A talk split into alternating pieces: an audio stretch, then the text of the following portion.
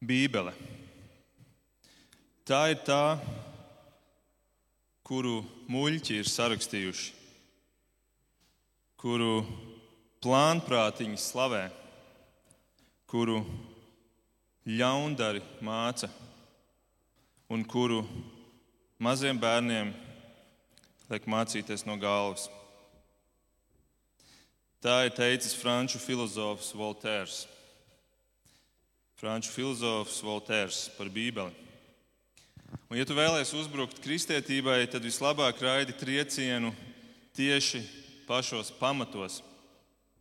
Un paši pamati kristietībai ir Bībele. Bībele ir tā, kas ir nesusi šo ticību, šo mācību cauri gadsimtiem pāri uh, kontinentu robežām pierāda, ka Bībele ir tikai un vienīgi cilvēku roku darbs, un viss pārējais sagāzīsies kā nams, kas ir celts uz smiltīm. Voltērs ir bijis tikai viens no daudziem, kuri tieši šo stratēģiju ir centušies izmantot. Un cilvēki to dara jau 2000 gadu raida uzbrukums Bībelē, apgalvojot, ka tā ir tikai cilvēku roku darbs, cilvēku pasakas, cilvēku izdomājums. Un šodien iespējams vairāk nekā jebkad agrāk tas notiek ar visām liberālajām straumēm, kas cenšas izkalot kristietības pamatus. Vai tiešām Bībele ir tikai cilvēku roku darbs? Vai tā ir patiesība, vai tomēr mīts? Šis fundamentāli svarīgais jautājums patiesībā ir ietekmē visus pārējos mītus, par, kuru, par kuriem mēs esam runājuši šajā sērijā. Šis ir tas, uz kura mēs esam balstījuši visus pārējos argumentus, šī Bībele. Līdz ar to šis ir fundamentāli svarīgi. Un, tāpēc vēlos par šo jautājumu šodien domāt, un es to esmu arī apzināti atstājis kā pēdējo. Vismaz šobrīd, varbūt šī sērija kaut kad nākotnē tiks turpināta ar jauniem mītiem. Um, bet uh, šodien es vēlos domāt par šo, un uh, es vēlos šo svētdienu sadalīt mazliet tā kā tādu tiesas prāvu. Respektīvi, sākumā es nolasīšu dažas apsūdzības, kas ir no, no šo apsūdz, apsūdzētāju puses nākušas. Tad es vēlos dot kādus aizstāvības punktus, un tad beigās padomāsim par spriedumu. Ja, tā kā apsūdzība, aizstāvība un spriedums. Apsūdzība, um, lai liecinātu pret Dieva autortiesībām uz Bībeli, ir cēlušies daudzi cilvēki, daudzas slavenības. Piemēram, Ričards Dawkins savā grāmatā Dieva maldi raksta tā: Neviens nezina, kas īsti bija šie četri evaņģēlisti. Tātad runa ir par Bībeles četriem evaņģēliem. Neviens īsti nezina, kas bija šie četri evaņģēlisti, bet varam diezgan droši apgalvot, ka viņi nekad nebija satikuši Jēzu personīgi. Daudz no tā, ko viņi ir sarakstījuši, nav uzskatāms par godīgu pieeju vēsturei. Evanģēlīja ir senlaiku fikcija, tā raksta Dawkins. Mums labi zināmais Alberts Einsteins arī nebija nekāds lielais Bībeles draugs. Viņš raksta šādi: Vārds Dievs man nav nekā vairāk kā cilvēka vājuma izteiksme un produkts. Un Bībele ir godājama, tomēr primitīva leģendu kolekcija, kas ir ļoti bērnišķīgas. Alberts Einsteins. Amerikas trešais prezidents Tomas Jeffersons. Viņam arī bija ko teikt. Viņam arī bija kādas bultas, kuras izšauta Bībeles virzienā. Viņš raksta šādi.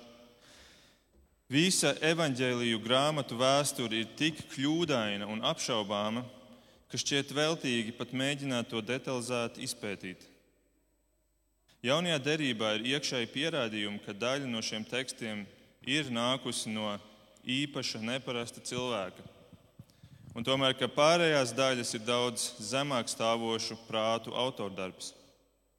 Šīs daļas nošķirt ir tikpat viegli kā dārgakmeņus no mēsliem. Un kādā citā vietā Jeffersons raksta par Bībeles pēdējo grāmatu, atklāsmes grāmatu. Viņš raksta, ir pagājuši 50 vai 60 gadi, kopš es to lasīju, un es toreiz secināju, ka tā nav nekā vairāk par maniaka murgiem, kas nav ne vairāk cienīgi, ne izskaidrojami kā mūsu pašu nakts sapņi. Tā mēs varētu turpināt ar šādiem apgalvojumiem. Tātad apsūdzība no šo vīru un daudz citu cilvēku puses ir skaidra, ka Bībele ir primitīvu, vāju, pat maniakālu cilvēku roku darbs.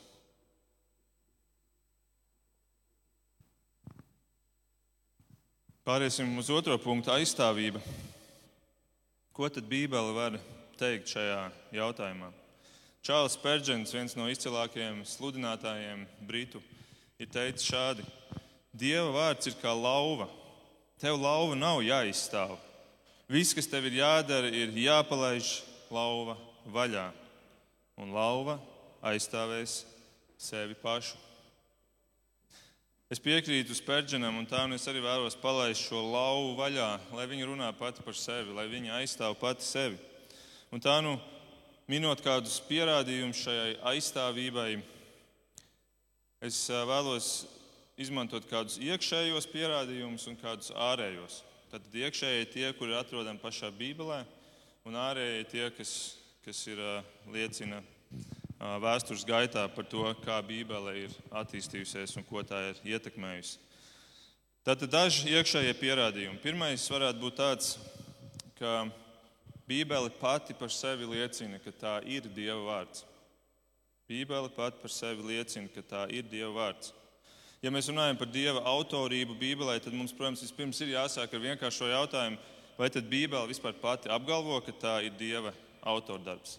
Vai Bībele to pati kaut kur ir pateikusi, vai tas ir lasāms Bībelē. Ja tu nopērci jaunu telefonu, tu noteikti kaut kur atradīsi, ka ir rakstīts, kurš ir šim telefonam autors, kurš ir to saražojis un kuram pieder autortiesības uz to. Un tāpat ir ar Bībeli. Bībelē ir pārliecinoši atbildāms jautājums ar jā par to, vai tā min ka Dievs ir autors šai grāmatai. Simtiem rakstvietās Bībele deklarē, ka tā ir Dieva vārds. Ap 3800 reizes Bībele min vārdus, kā piemēram Dievs teica, vai tā saka tas kungs.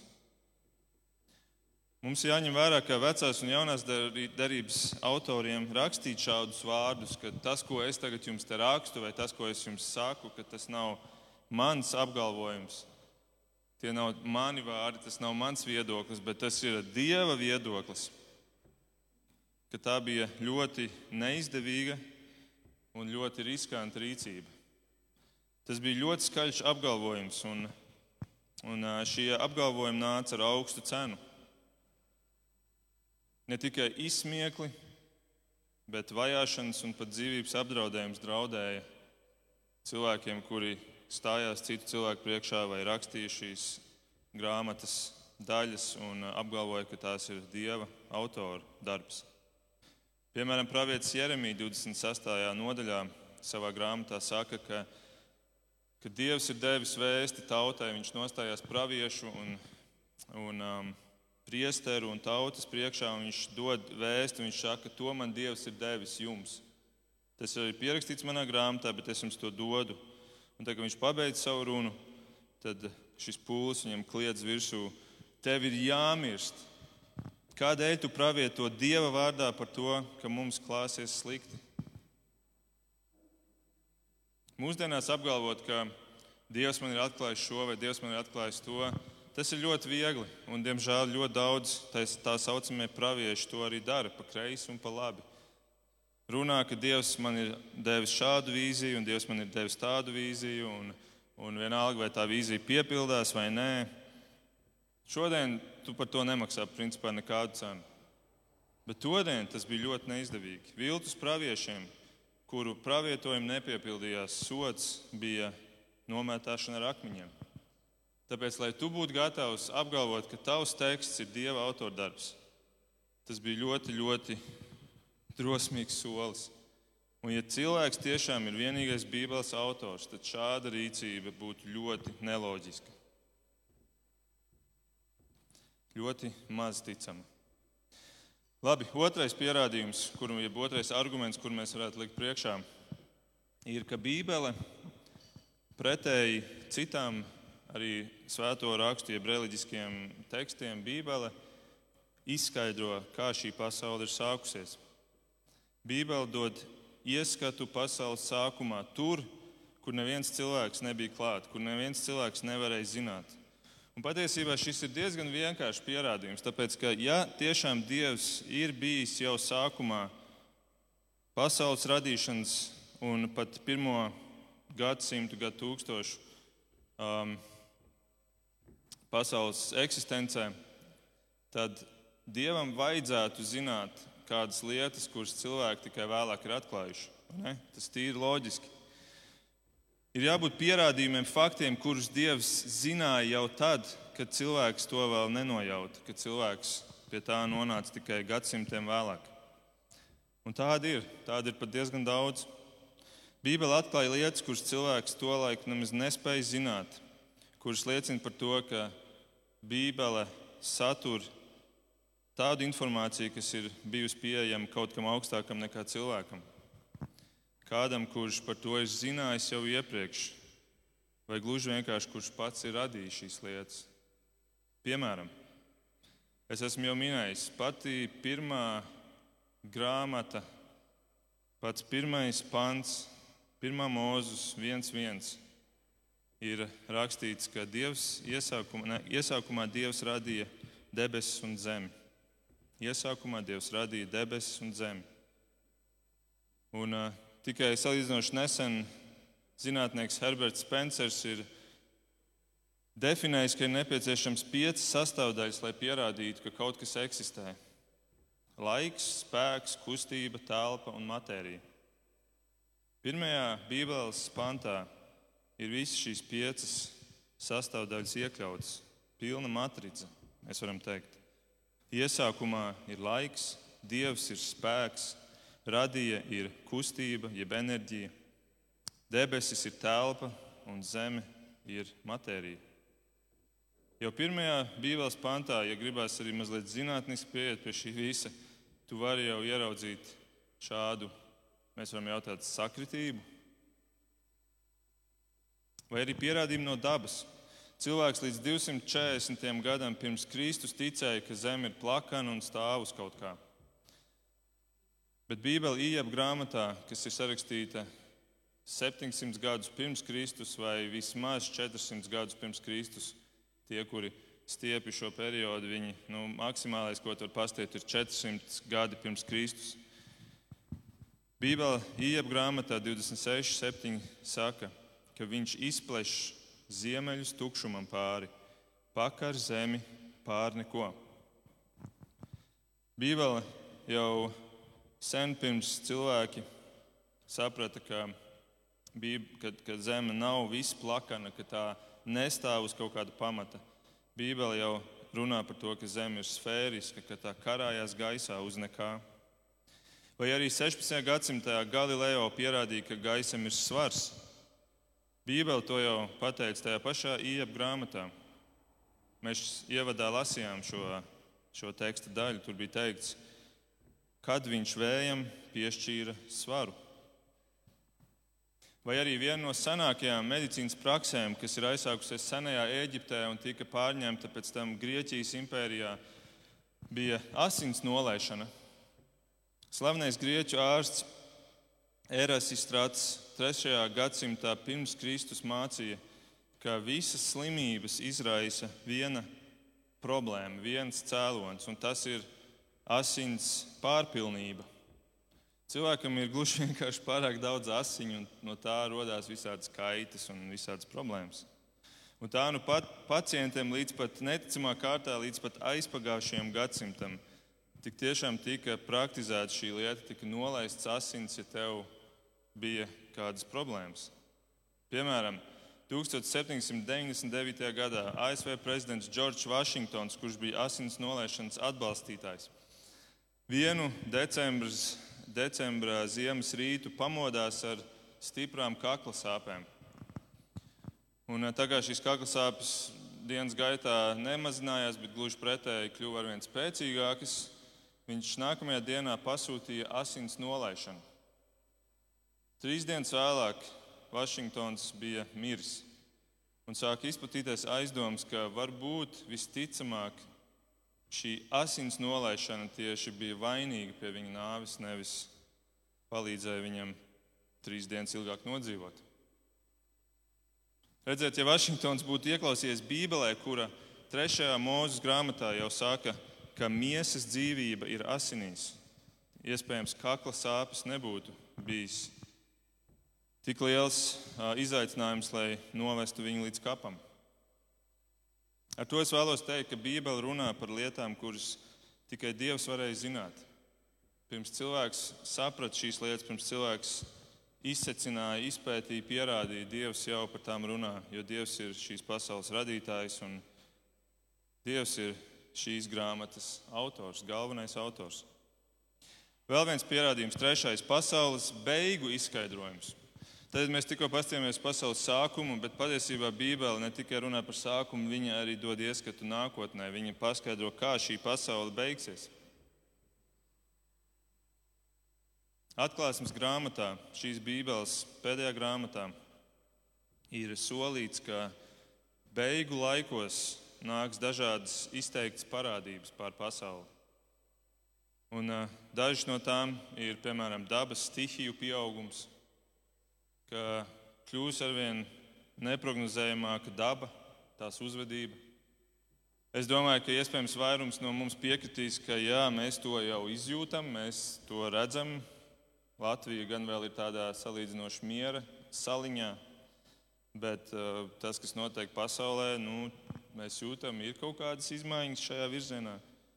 Apdrošināšanas aģentūra statistika liecina, ka ir būtisks pieaugums dabas stihiju skaitam. Viņi tātad apdrošina šādus nelaimes gadījumus, un viņiem ir statistika, cik ir gadā lielās katastrofas, dabas katastrofas pasaulē.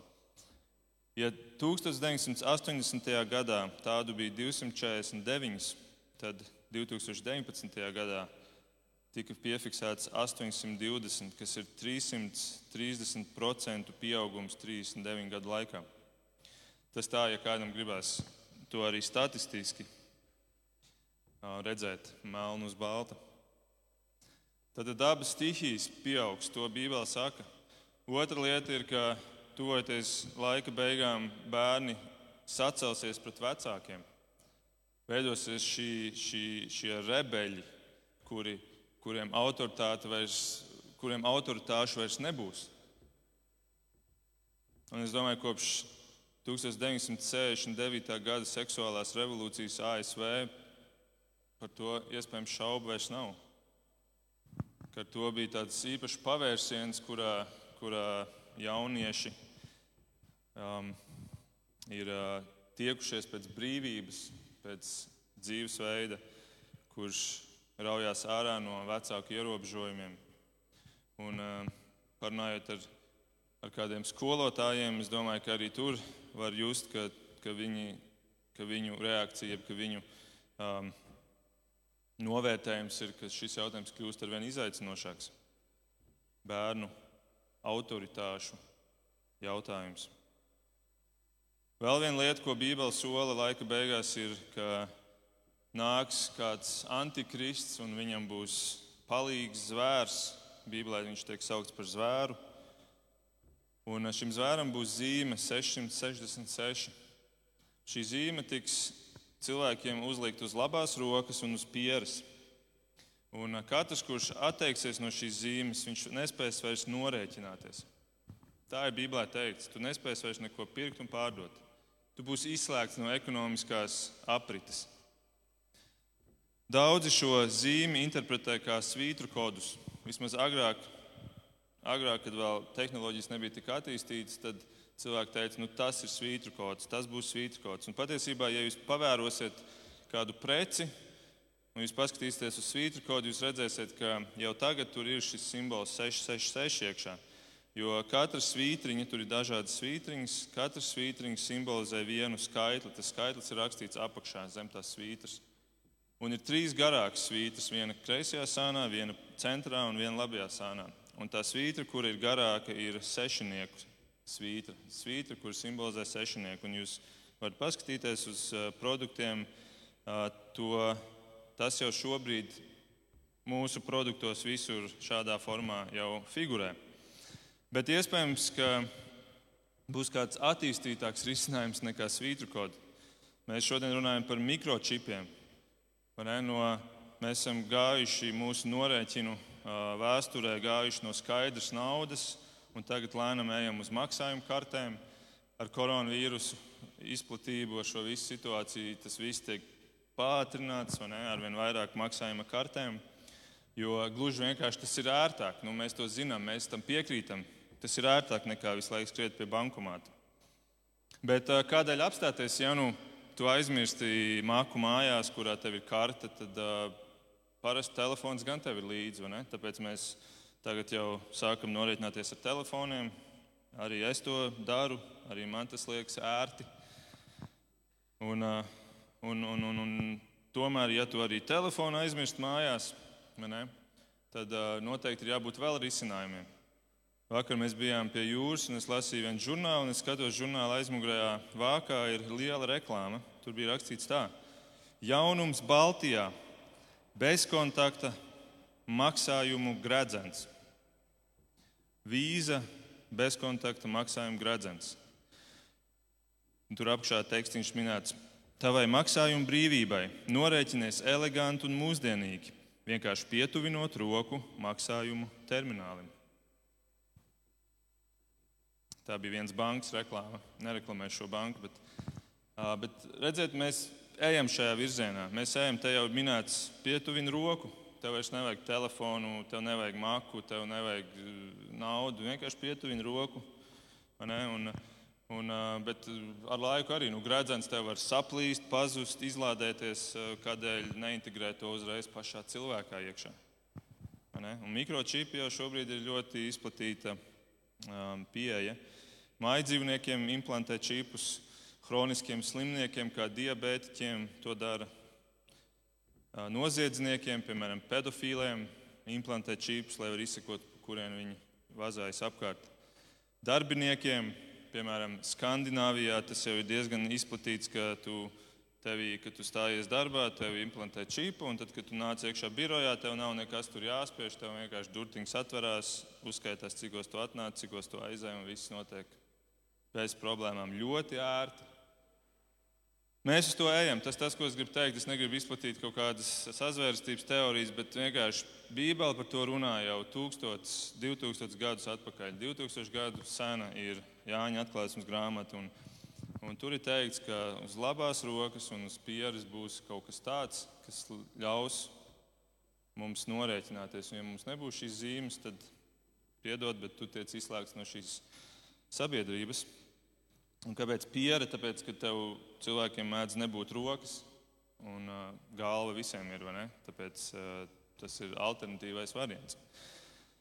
Bībele zina nevien par pasaules sākumu, visādus noslēpumus, kurus cilvēki nevarēja zināt, bet viņš zina apbrīnojams lietas par to, kas mūs sagaida, ko pirms 2000 gadiem cilvēki nevarēja vispār nojaust. Un šodien mēs redzam, kā viņas sāk lēnām tikt izpakotas un mēs ieraugam tās aprises un potenciālos veidolus.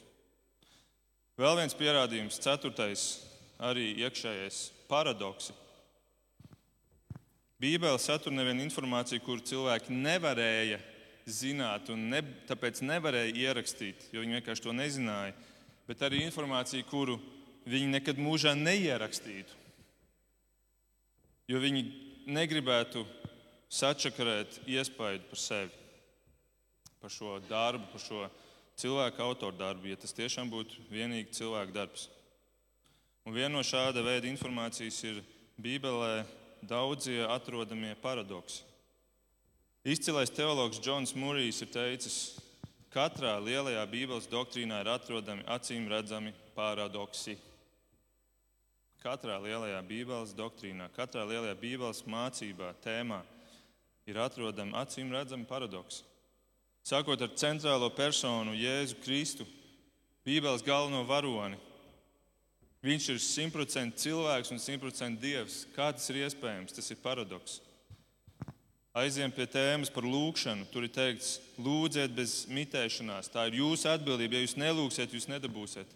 Vienlaikus, ja jūs sakat, bet nepļāpājiet arī pārāk gari, jo Tēvs jau zina visu, kas jums ir vajadzīgs un ko jūs lūgsiet. Viņam viņš jau visu zina. Tātad tomēr simtprocentīgi Dieva atbildība, ja viņš visu zina.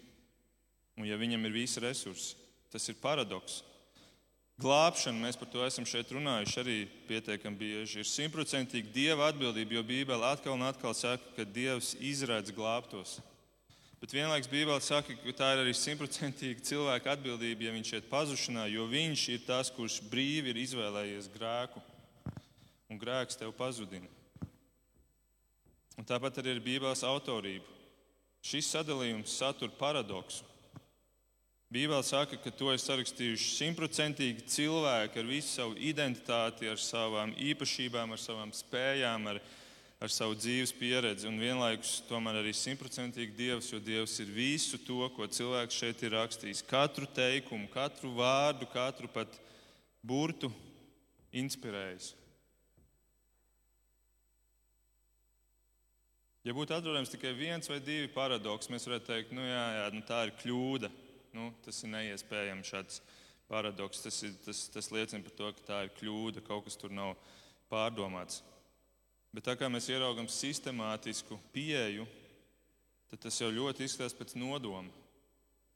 Un cilvēks šādu sistēmu nekad neizvēlētos. Ja cilvēks būtu vienīgais autors Bībelē, tad šie jautājumi būtu izskaidroti loģiski, tā ka cilvēks saprot to, ka cilvēkam ir skaidri atrisināti šie gadījumi. Vēl viens piedā, pie, pie, um, pierādījums iekšējais ir pazemība. Piektais - pazemība. Viens no pierādījumiem, kādēļ Bībele nav tikai cilvēku rokdarbs, vien ir neparastā pazemība Bībeles galvenā varoņa stāstā, lomā. Jēzus ir piedzimis mazajā Betlēmē, nevis ķēniņa pilsētā Jeruzalemē. Viņš savus pirmās dienas pavadījis parastā lopu silē, nevis zamšu gultā. Viņš ir uzaugusi nīcinātajā nāceretē un saukts par nācerieti, kas bija lamvārds tolaik. Viņa mācekļi bija lielākoties iliterāti zvejnieki. Viņš jāja uz ēzeļa, nevis muskuļaina mustanga zirga. Viņam galvā lika ērkšķu, nevis zelta kroni. Šis stāsts galīgi nav tāds, kuru kur cilvēks būtu gribējis popularizēt, reklamējot pasaules glābēju, mesiju, ķēniņu, ķēniņu. Un to apliecina jau tas, ka jau Jēzus laikā dzīvojošie jūdi, viņu reakcija uz Jēzus ierašanos, uz viņa izskatu, uz viņa tēlu, uz viņa vārdiem, uz viņa vēsti, bija kaut kas ļoti svešs tam, ko viņi bija sagaidījuši, kad viņi gaidīja mesiju. Viņi gaidīja citādāku mesiju, viņi gaidīja karotāju mesiju, kurš atbrīvos no Romas jūga, kurš Izraēlu pacels kā jaunu impēriju. Un tā, viņi ieraudzīja, ka tas nebūs šajā jēzū, tad šādu lūzeri mēs varam laist prom, sitam viņu krustā. Kādēļ, lai cilvēks kaut ko tādu sacerētu? Nav daudz iemeslu šādai rīcībai, vispār nav loģiski iemesli. Vienīgais iemesls, kādēļ šāds stāsts ir tāpis, ir, ka tam patiesais autors nav cilvēks, bet Dievs, izcilākais no dramaturgiem. Šī pazemība. Pazemība cilvēka būtībā ir kaut kas svešs. Cilvēks vienmēr tiecas uz lepnību. Ja jūs paskatīsieties uz reklāmām, vienalga produktu, pakalpojumu reklāmām, tur cilvēks tiek celts uz augšu. Es lepojos ar to, kas man ir, un nevis, nevis rādu, ka tas cilvēks vai šis pakalpojums tev padarīs zemāku, vienkāršāku, necilāku cilvēku acīs. Sestais pierādījums - krusts. Un šis ir pats lielākais no absurdiem, ja mēs gribam apgalvot, ka Bībele ir tikai un vienīgi cilvēka darbs. Šodien mēs sakam krusts, un mēs domājam par tādu metāla piekariņu, rotu, kuru cilvēku karina ap kaklu, vai kādu koku struktūru, kā tā ir aiz manis. Bet todien Todien krusts bija viens no lielākajiem kauna simboliem. Tas bija noziedznieku simbols, tas bija nodevēju un neveiksmnieku simbols. Tas bija Romas varenākais baiļu simbols, un neviens, neviens rakstnieks ar kaut cik stingri pievilktām skrūvēm galvā neiedomātos savu galveno pasaules varonu uzsēdināt uz krusta. Tā būtu, tā būtu pašnāvība tavai argumentācijai par labu Bībeles vēstījumu. Tas būtu līdzīgi kā, kā šodien pateikt, balsojiet par šo mēru, jo viņš piedzērās un gāja pa vecrīgu un iegāzās atvērtā miskastē. Mēs teiktu, ko, kā lūdzu, tev, ja pat ja viņš to izdarīja, tad to tev nevajadzēja teikt.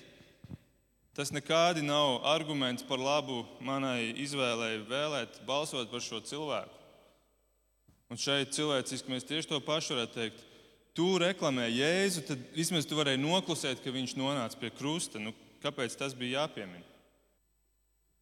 Tas ir kauns.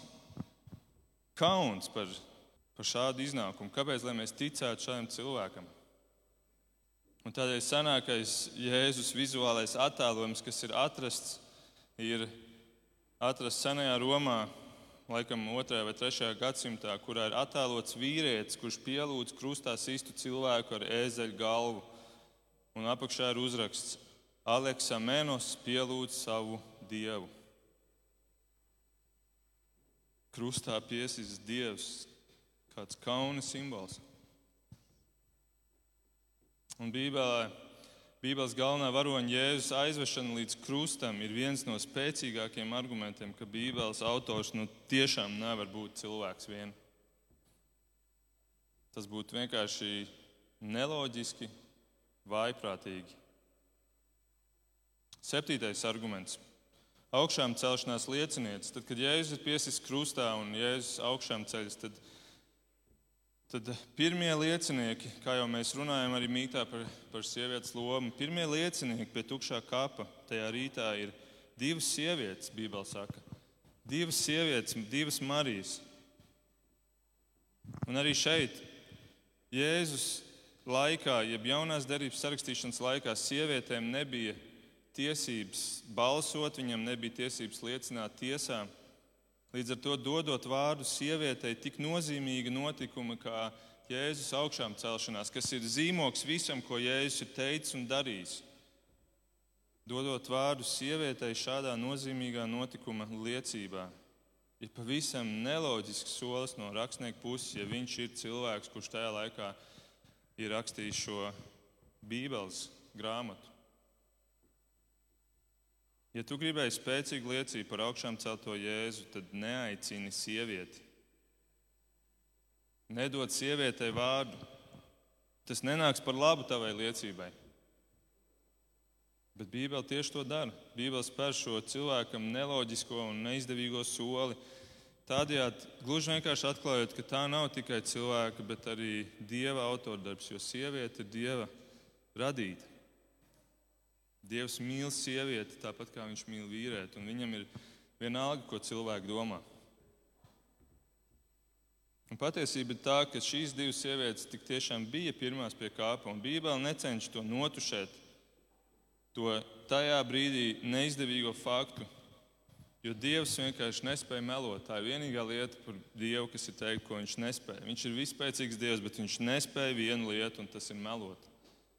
Dievs runā patiesību, jo Dievs ir patiesība. Jēzus saka, es esmu ceļš, patiesība un dzīvība. Bez šiem septiņiem iekšējiem pierādījumiem vēl varētu minēt kādus ārējos, piemēram, uzvaras gājiens, Bībeles uzvaras gājiens. 2017. gadā man uzaicināja Latvijas uh, lielākajā reklāmistu konkursā AdWords žūrijā. Un, uh, tiem, tiem, kur nezina, es, es ikdienā strādāju ar uh, dizainu. Un, um, tur bija starptautiska žūrija, kurā arī mani pieaicināja. Un, un katram žūrijas dalībniekam bija jāsaka 40 minūšu runa Latvijas Nacionālās Bibliotēkas lielajā zālē. Un tur bija sapulcējušies vairums uh, lielāko reklāmistu Latvijā. Un pirms manis vairāk runātāji prezentēja savus projektus un, Un, un, un gandrīz visiem tā, tas uzsvars bija parādīt, ko es esmu izdarījis, un tad noprezentēt, cik liela ir bijusi publicitāte šim projektam, cik daudz cilvēku ir aizsniegti, cik um, interneta lietotāju skatījumi ir iegūti, cik klikšķi ir piefiksēti. Un, un ja nu tur kādam bija kādi tūkstoši, nu tas jau bija labi. Bet ja kādam bija desmit vai simts tūkstoši, nu tas jau bija izcili, tas jau bija starptautisks līmenis.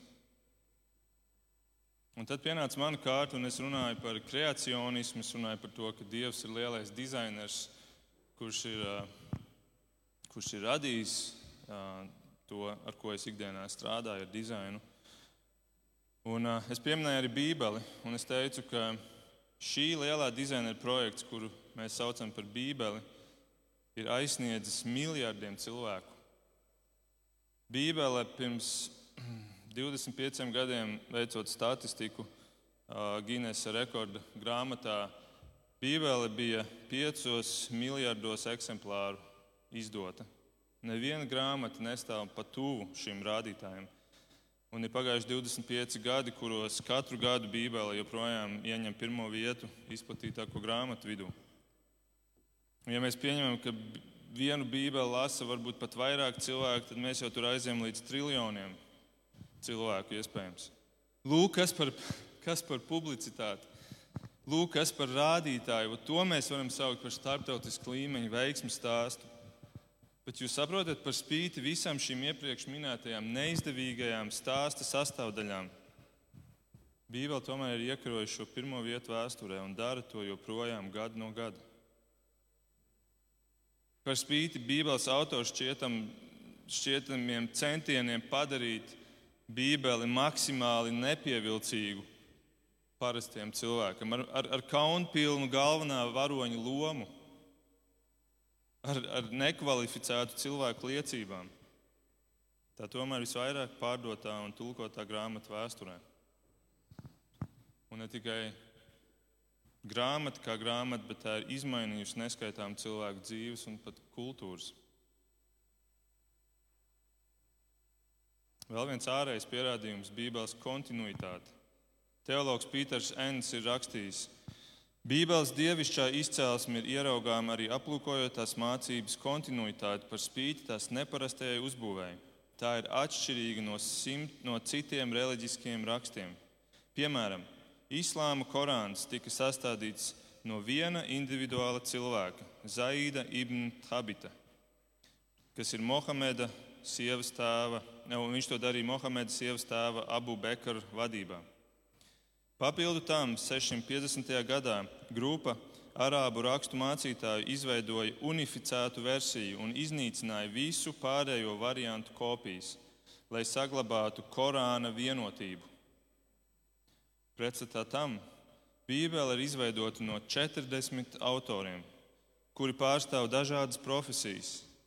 Starp svēto rakstu autoriem ir politiskais vadītājs Mūzus, militārais vadonis Jozua, avju gans Dāvids, ķēniņš Salamans, ganāmpulku pāraugs un augļu lasītājs Amos, premjerministrs Daniels, muitnieks Matejs, ārsts Luka, rabīns Pāvils, zvejnieks Pēters.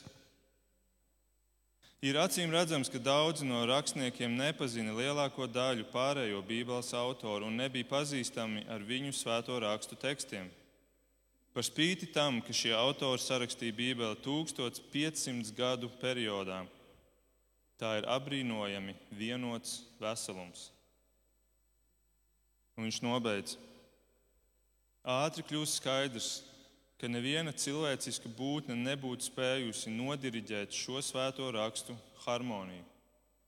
Vienīgā atbilde ir, ka Bībelē ir dievišķs autors. Šie bija cik deviņi iemesli, kādēļ ticēt, ka Bībele nav tikai cilvēku rokdarbs viens. Un mēs varētu turpināt šo sarakstu, bet eh, šodienai pietiks, jo Nebūsim naivi. Tāpat neviens nevar pierādīt vienu vai otru pusi. Beig beigās tas ir un paliek ticības solis. Un pati Bībele to uzsver atkal un atkal. Habaku grāmatā teikts, taisnais no ticības dzīvos, nevis no pierādījumiem, no ticības. Lai saprastu to, ko Bībele saka un kurš caur Bībeli to saka, tev vispirms ir jātic. Ticēt nozīmē, ka tu pieļauj šo domu, ka tu atkāpies no saviem uzskatiem, kuri tevi padara par dievu savā dzīvē. Tev ir vispirms jātic, un tad tu vari sākt cerēt, ka tu varbūt sāks arī saprast un ieraudzīt šos, šos pamatojumus un to, šo argumentāciju. Tas pats Čārls Pērģins ir teicis, tu gribi saprast, lai spētu ticēt, bet tev ir jātic, lai tu spētu saprast. Tu gribi saprast, lai tu spētu ticēt, bet tev ir jātic, lai tu spētu saprast. Un ticība ir tā, kas ļaus nonākt arī pie pareizā sprieduma. Un tā nu noslēdzot par spriedumu runājot, kāds ir tavs spriedums par Bībeli? Ko tu saki par Bībeli? Kas viņa ir? Un kāpēc tas tāds ir? Tu esi to pētījis, tu esi centies atbildēt uz šo jautājumu. Vēsture pierāda, ka šī grāmata ir tik plaši izplatīta, ka katram, kurš sevi sauc par inteliģentu cilvēku, vajadzētu būt vismaz parakušam, vismaz izlasījušam vienu reizi vai vairākas reizes šo grāmatu, lai izdarītu spriedumu par to. Un, ziniet, es to nesaku tikai ateistiem, es to saku arī kristiešiem. Jo ir pietiekami daudz kristiešu, kuri tic Jēzum, viņi saka, bet viņi netic visai Bībelē. Ja tu netici visai Bībelē, tu sāc vilkt kaut kādas robežas, tu sāc šķirot, šis man patīk, šis man nepatīk, šo es pieņemu, šis man liekas novecojis. Un beigās tu kļūsi par tiesnesi. Tu sāc šķirot un tu sāc pats veidot savu Bībeli. Es lasīju par mūsu ievadā pieminēto ASV prezidentu Tomasu Jeffersonu, kurš asi kritizēja Bībeli. Viņš par viņu rakstīts šādi. Viņš ar žileti un šķērēm, esot no Bībeles, izgriezis mazus teksta gabalus. Izgriezis mazus teksta gabalus, mazus taisnus stūrus ar Bībeles pantiem un ielīmējis jaunā grāmatā paša iesietā ar sarkaniem ādas vākiem. Grāmatā, kur viņš ir lasījis tikai privātos pārdomu brīžos, viņš viņu negribēja rādīt nevienam. Katram izgrieztiem gabalam bija sava nozīme, katrs vārds bija pārdomāts, kas bija izgriezts un ielīmēts.